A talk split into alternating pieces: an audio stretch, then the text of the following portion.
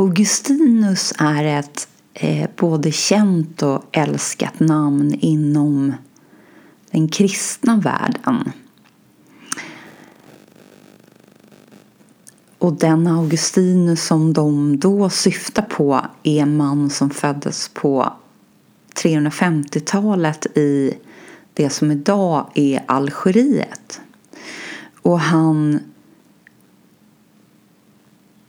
för eftervärlden kom att kallas för både teolog och filosof.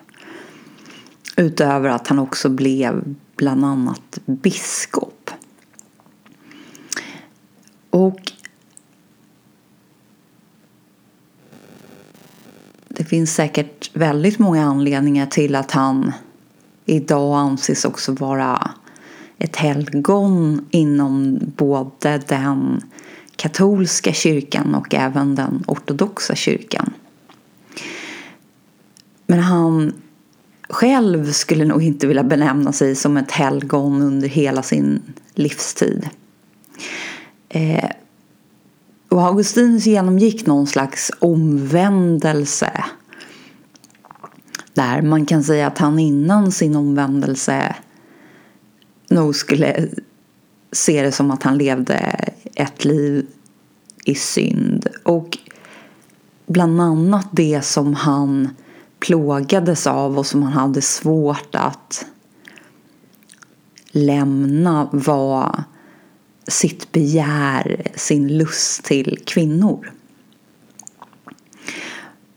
Och enligt berättelsen så började eh, lite grann den här omvändelsen när han satt utomhus på en bänk och så hade han Bibeln bredvid sig på bänken eller i knät och så hörde han genom ett fönster som var öppet och där barn sjöng så hörde han just frasen ta den och läs.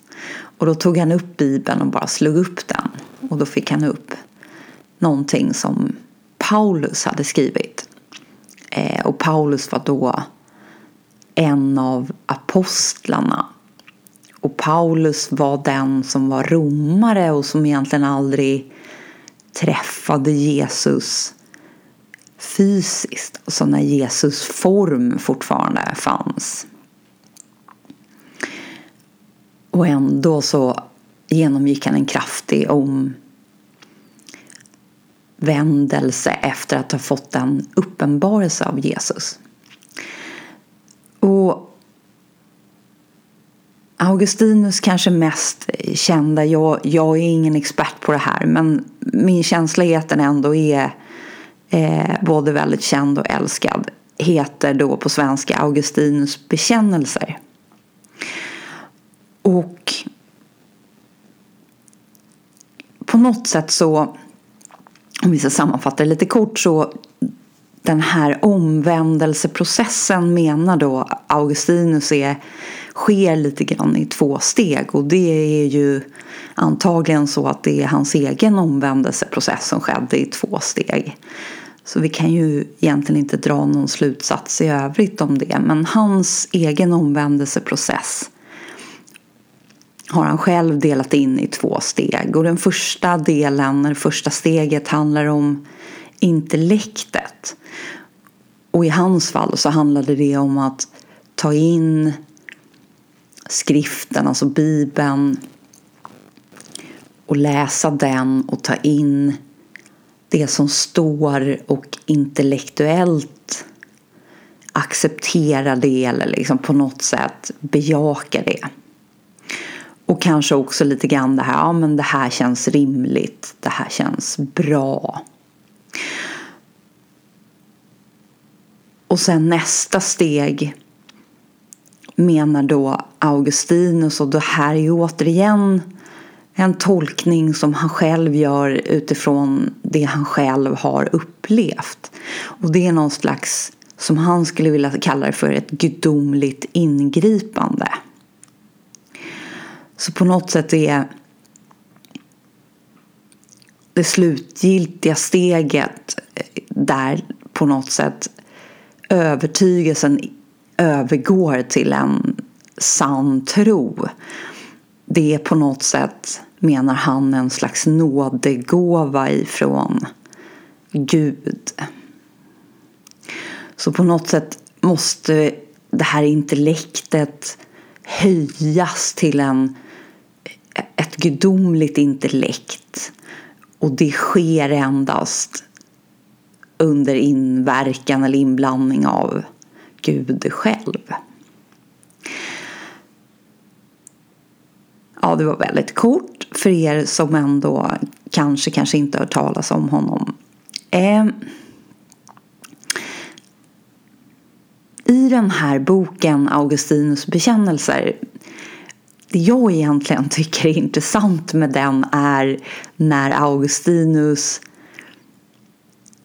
delar med sig av sin kontemplation. Alltså när han på något sätt, och det är väl här han liksom kommer in lite filosofiskt, när han betraktar och registrerar det som till stor del händer, om vi skulle kunna kalla det för, inom honom. Alltså, man kan ju fråga sig sen vad som är inom och utanför. Men, men på något sätt det här med tankar och, och så vidare. Och den delen, och det här är ju då lite senare i boken. Så inte riktigt slutet men, men ganska långt bak i boken. Jag tänkte jag skulle läsa en, ett litet utdrag så ni får en känsla för hur han kontemplerar.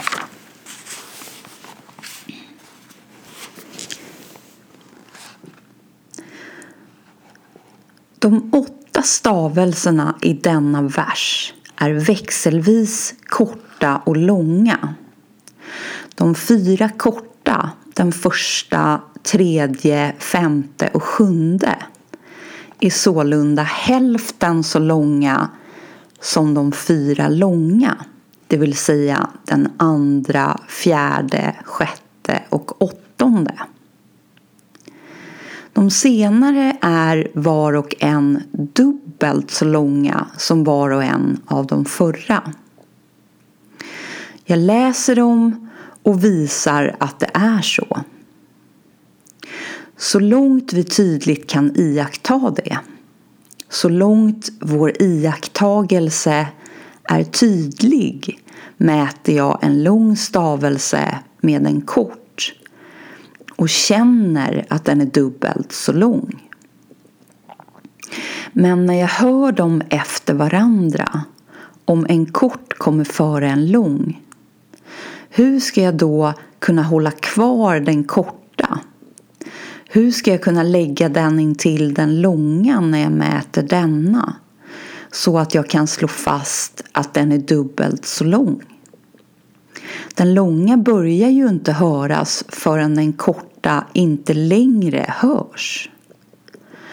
Jag kan väl inte mäta den långa medan den pågår när jag kan mäta den först när den upphört. Och när den har upphört har ju den förgått. Vad finns det då att mäta? Var finns den korta jag mäter med? Var finns den långa jag mäter? Båda har de förklingat, de är utflugna, de har förgått. De är inte längre.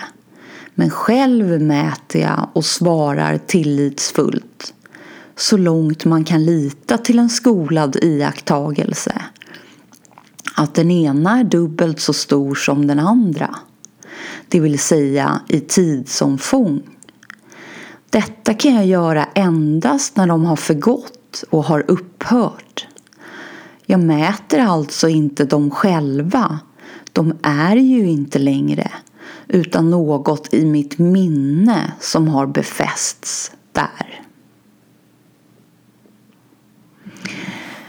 Det är i dig, du min tanke, som jag mäter tiden. Stör mig inte, eller snarare stör inte dig själv med larmet från dina intryck. Det är i dig, säger jag, som jag mäter tiden. Det är ett intryck som lämnas i dig av de ting som går förbi och som stannar kvar när de har gått förbi. Just det är det jag mäter när det är inför mig.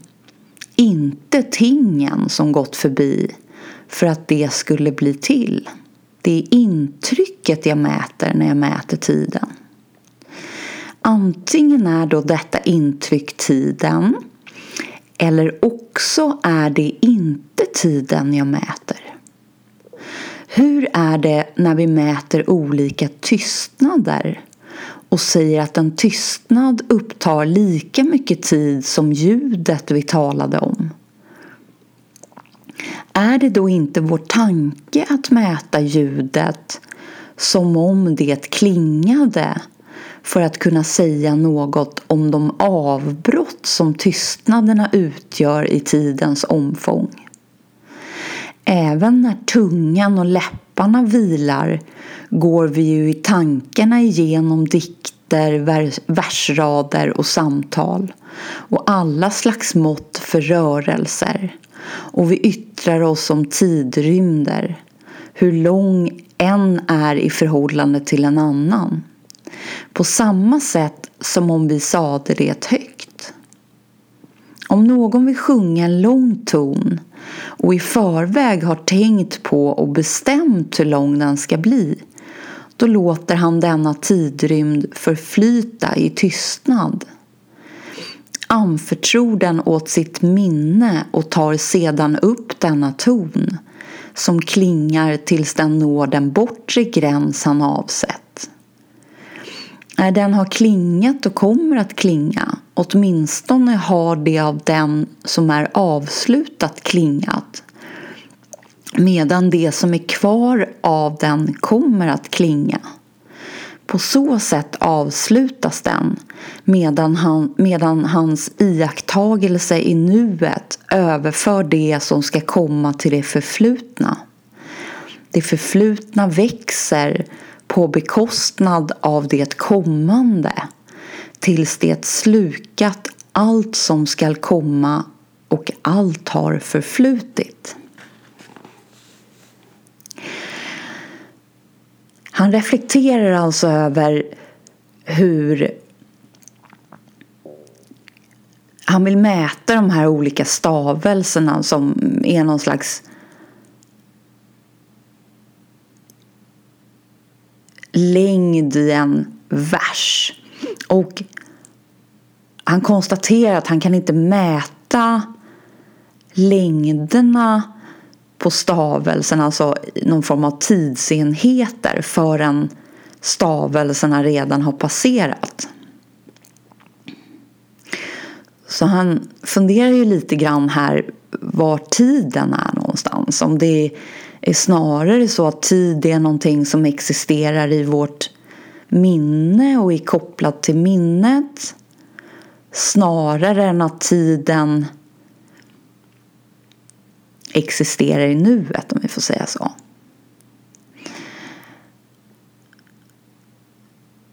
Och han börjar komma in, ni ska få höra att han strax kommer in ännu mer på det här, men han börjar komma in lite grann också på det här med framtid och dåtid och just precis det som är nu, alltså nuet och hur de förhåller sig till varandra.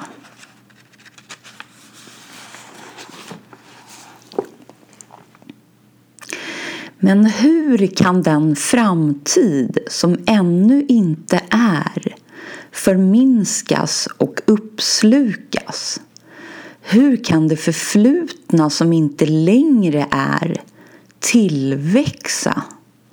Om det inte i vårt medvetande genom vars försorg detta sker finns tre handlingar. Alltså hur kan framtiden krympa och hur kan det som har förflutit växa? Och så konstaterar han att det måste vara så att det här kan vara sant därför att det finns tre olika handlingar i vårt medvetande. I vårt medvetande finns förväntan, uppmärksamhet och minne. Det vi förväntar övergår genom det vi uppmärksammar i det vi minns. Ingen kan hävda något annat än att framtiden ännu inte är. Ändå ser vi i vår tanke fram emot det som ska komma. Ingen kan förneka att det förflutna inte längre är. Ändå finns det i tanken fortfarande ett minne av det som varit. Ingen kan påstå att nuet har någon utsträckning. Det förgår på ett ögonblick men ändå blir vår uppmärksamhet kvar. Den som det som skall komma går igenom för att inte längre finnas där.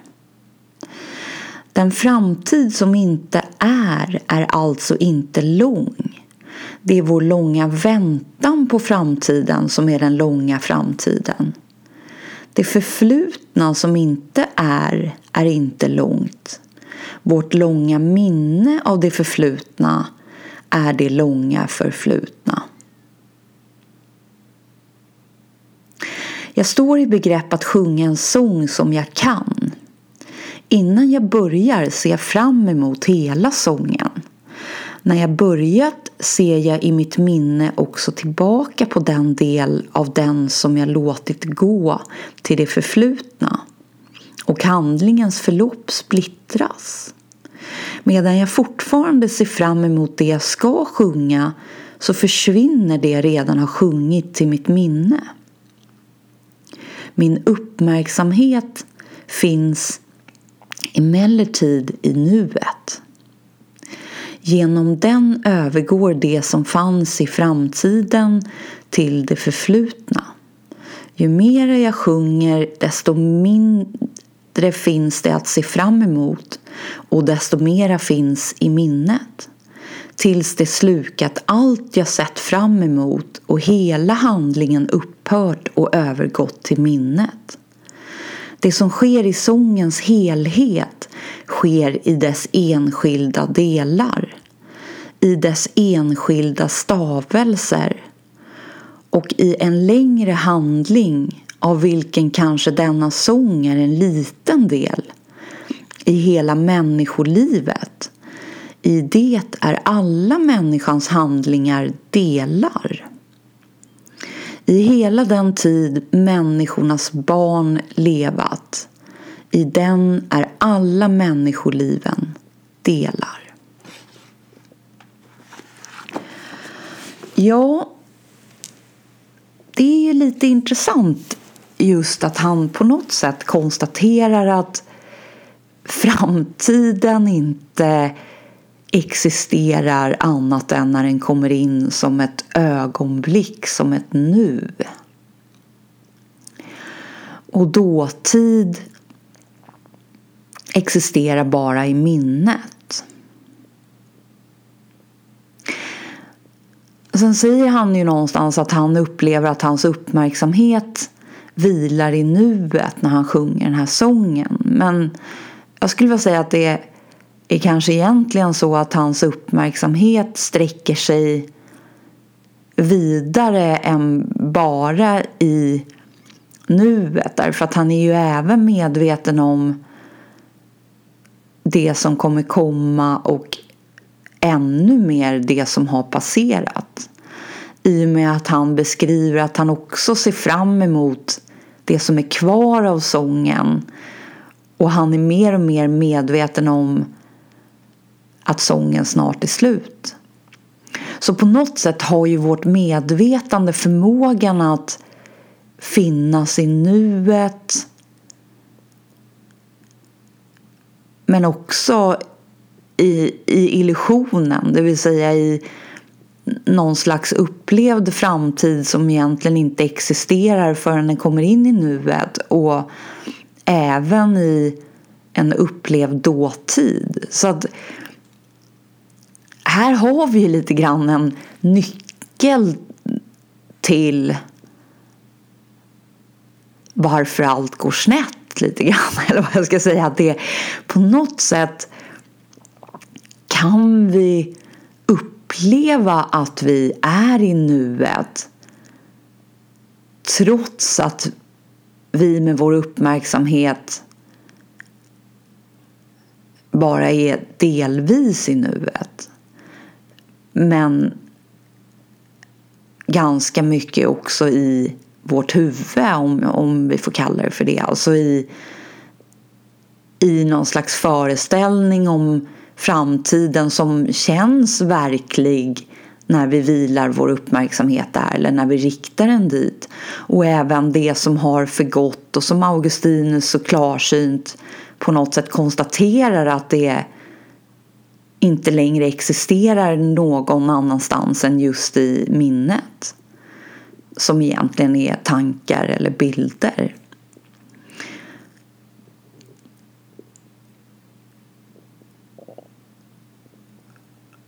Och likadant med tiden, att tiden på något sätt blir en blir ett sätt att greppa det här flyktiga hela tiden också. Att, att någonting kommer in i nuet och så försvinner det strax och så byts det ut mot någonting nytt som kommer in i nu, nuet som, och som sedan också passerar och kanske går vidare in i våra minnen. Det är ju inte alltid allting som passerar nuet registreras av vår uppmärksamhet och går in som ett minne heller. Och vissa saker kanske hamnar där utan att vi ens har en aning om det.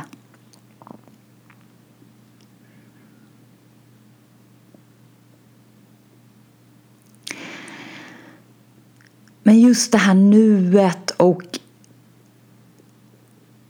även det som han också konstaterar på ett väldigt klarsynt sätt att framtiden kanske kan upplevas som lång eller långt bort framför allt. Men det handlar ju framför allt som man säger om att vår väntan på framtiden är lång. Och det kanske också är just det här som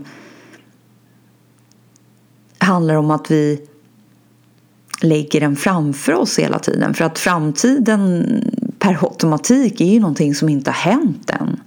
Och så länge vi väntar på någonting så ligger det också hela tiden, om vi i alla fall bildligt ska beskriva det, framför oss. Och dåtiden kan ju i vissa fall som vi känner till upplevas som lång och i andra fall som väldigt kort. Beroende lite grann på vår uppfattning om dåtiden. Ofta om vi har en uppfattning om någon bit av dåtiden var väldigt rolig eller väldigt positiv så kan ju det upplevas som ett väldigt kort dåtid. Medan om det är någonting som har plågat oss och kanske till och med fortfarande plågar oss så känns det ibland nästan oändligt långt. Så på något sätt verkar det ju också som att tiden inte är faktisk utan, om vi får kalla det för det, subjektiv. Alltså hur vi uppfattar det vi kallar för tid och som Augustinus någonstans klarsynt pekar på här. Tiden existerar framför allt i vårt minne, i våra tankar snarare än att den mer än ett ögonblick i taget existerar i verkligheten, alltså inom ramen för nuet. Så tid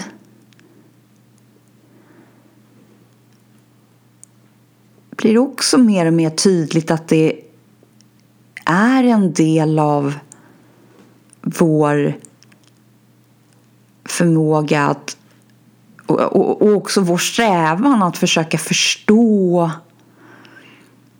det vi betraktar som vår omvärld. Försöka förstå det som passerar framför det vi upplever oss själva vara.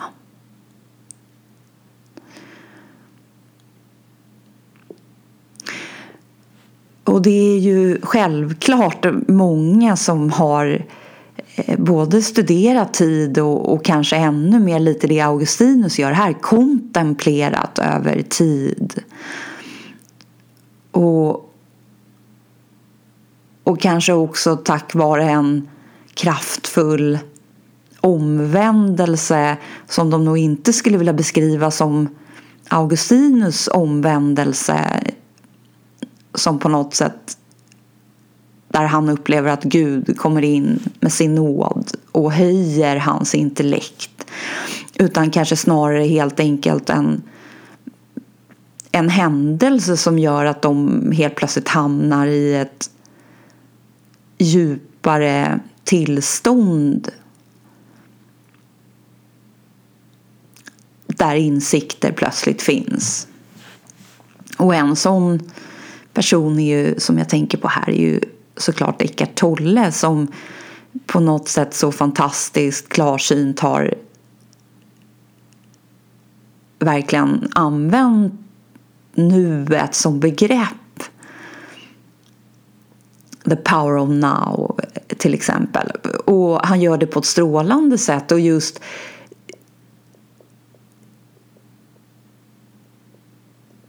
hela tiden tydligt pekar in mot nuet och att nuet är ju det som är. Och, och, ju mer vi riktar hela vår uppmärksamhet in i nuet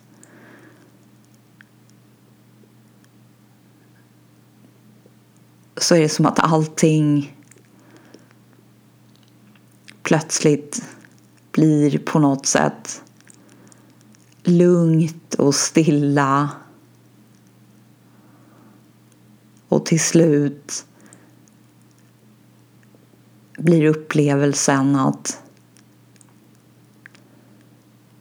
fokuset, uppmärksamheten skiftar från det som gör att tiden upplevs passera, alltså tingen till att uppmärksamheten istället mycket mer naturligt vilar i det som inte passerar. Utan det som utgör grunden eller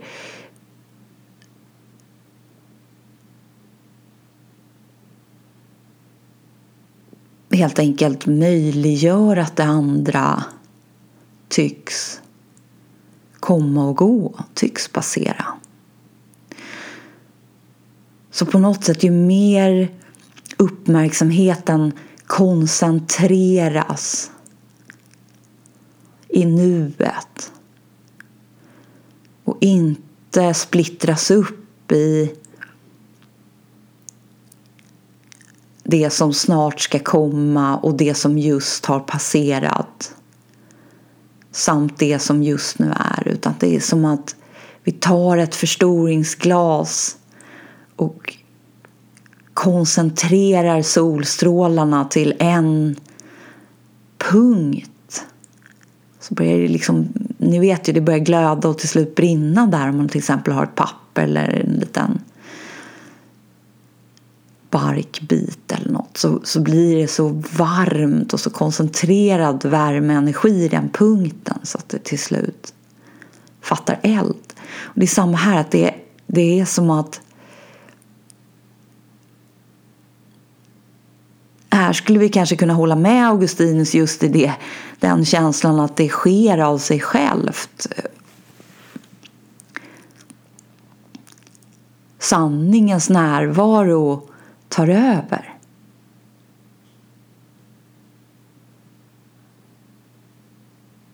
Och på något sätt blir vi automatiskt visade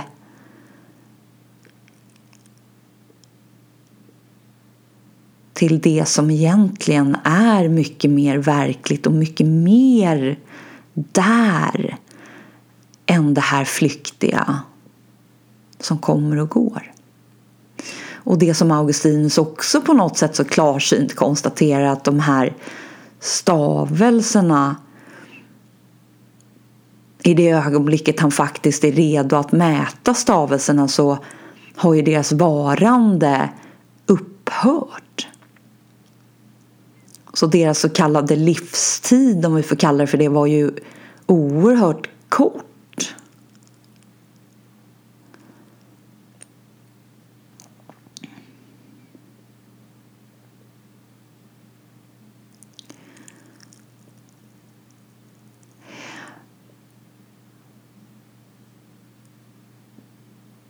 Och Jesus pekade också in sina lärjungar och pekar in oss i nuet och han uppmuntrar oss att söka där.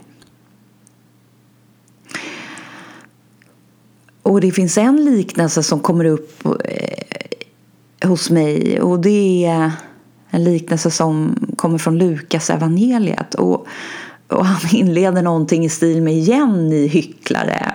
Eh, ni är så bra på, och nu återberättar jag så som jag minns den. Ni är så bra på att tyda både jordens och himlens alla tecken. Men ni vet inte hur ni ska utforska tiden som är nu. Eller liksom leta eller förstå nuet. Så på något sätt återigen det här att vi tycks vår nyfikenhet riktas så gärna utåt, bortåt hela tiden. Istället för att gräva där vi står. Alltså plöja i den här jorden, blicka inåt, i nuet rikta vår uppmärksamhet till nuet och till, till det som är nu. För det är på något sätt där som svaren finns.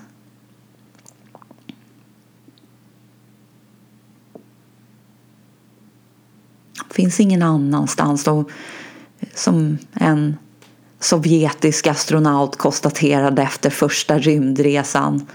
Eh, jag träffade inte på Gud där ute och det kanske inte förvånade särskilt många att han inte gjorde det men det, det är på något sätt vi, vi söker och vi är nyfikna och nyfikenheten är ju bra men är inte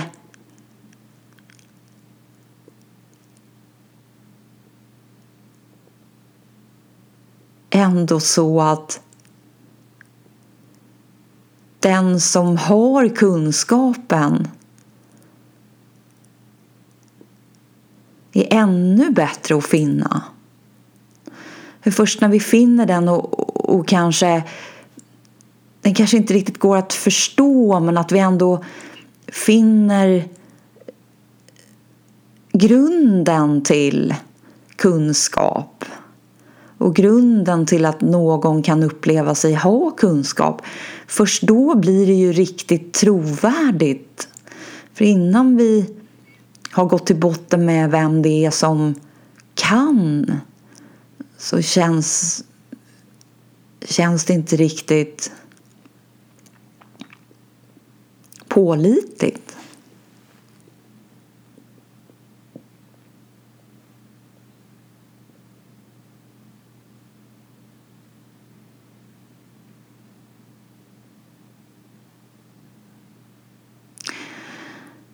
Det tycks som om vår uppmärksamhet på något sätt här är nyckeln. Vår uppmärksamhet har ju, kan ju riktas väldigt brett.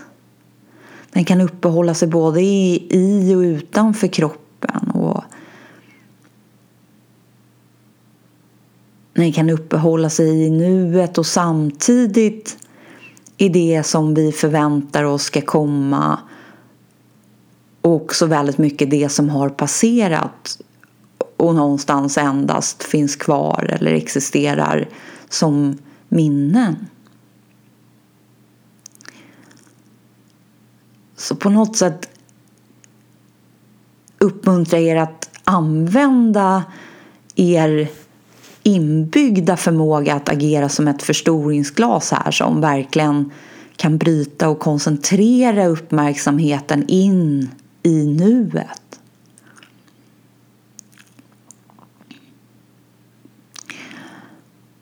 Och det handlar ju helt enkelt om att inte vara i tankarna. Tankarna kommer och går hela tiden för precis som Augustinus konstaterade så är det ju endast tankarna här som gör att vår uppmärksamhet väntar på framtiden eller att uppmärksamheten delvis riktas till en kommande någonting som ska komma och även någonting som har passerat. Så följ inte med tankarna.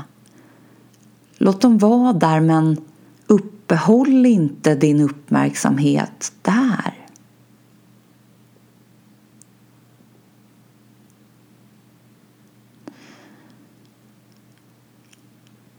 För uppmärksamheten är verkligen vårt hemliga vapen här. Det är den och vi styr den. Den bestämmer vi över. Vi bestämmer vart vi vill rikta vår uppmärksamhet.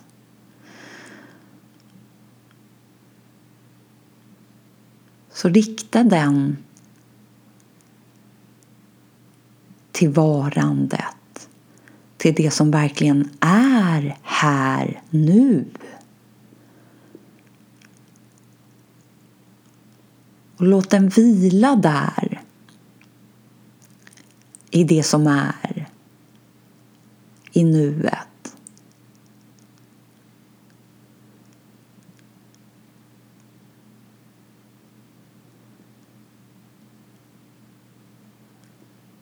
Och låt det successivt få ta över. Så att det här perspektivet kan skiftas, kan ändras från att uppehållas vid det som egentligen bara existerar flyktigt i nuet men som tycks ha en mycket längre existens än så. Att skifta uppmärksamheten därifrån till det som gör allting möjligt och det som är evigt och det som hela tiden är.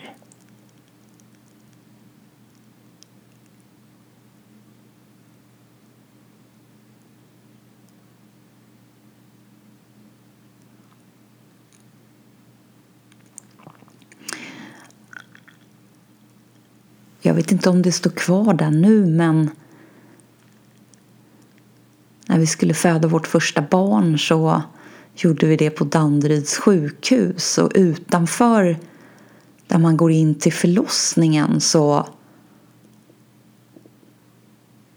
stod ett citat på väggen och jag minns att jag läste det där citatet innan vi gick in. Och när vi kom ut drygt dygn senare så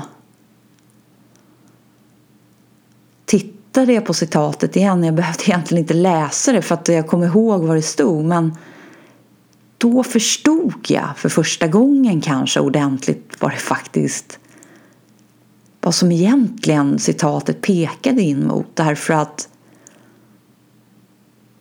hade jag upplevt jag hade förstått på ett djupare plan innebörden. Så jag hade gått från punkt 1 till punkt 2 i Augustinus lite grann transformationsprocess. Från att ha accepterat det intellektuellt hade det på något sätt höjt sig till en sanning. Och på väggen stod det så här.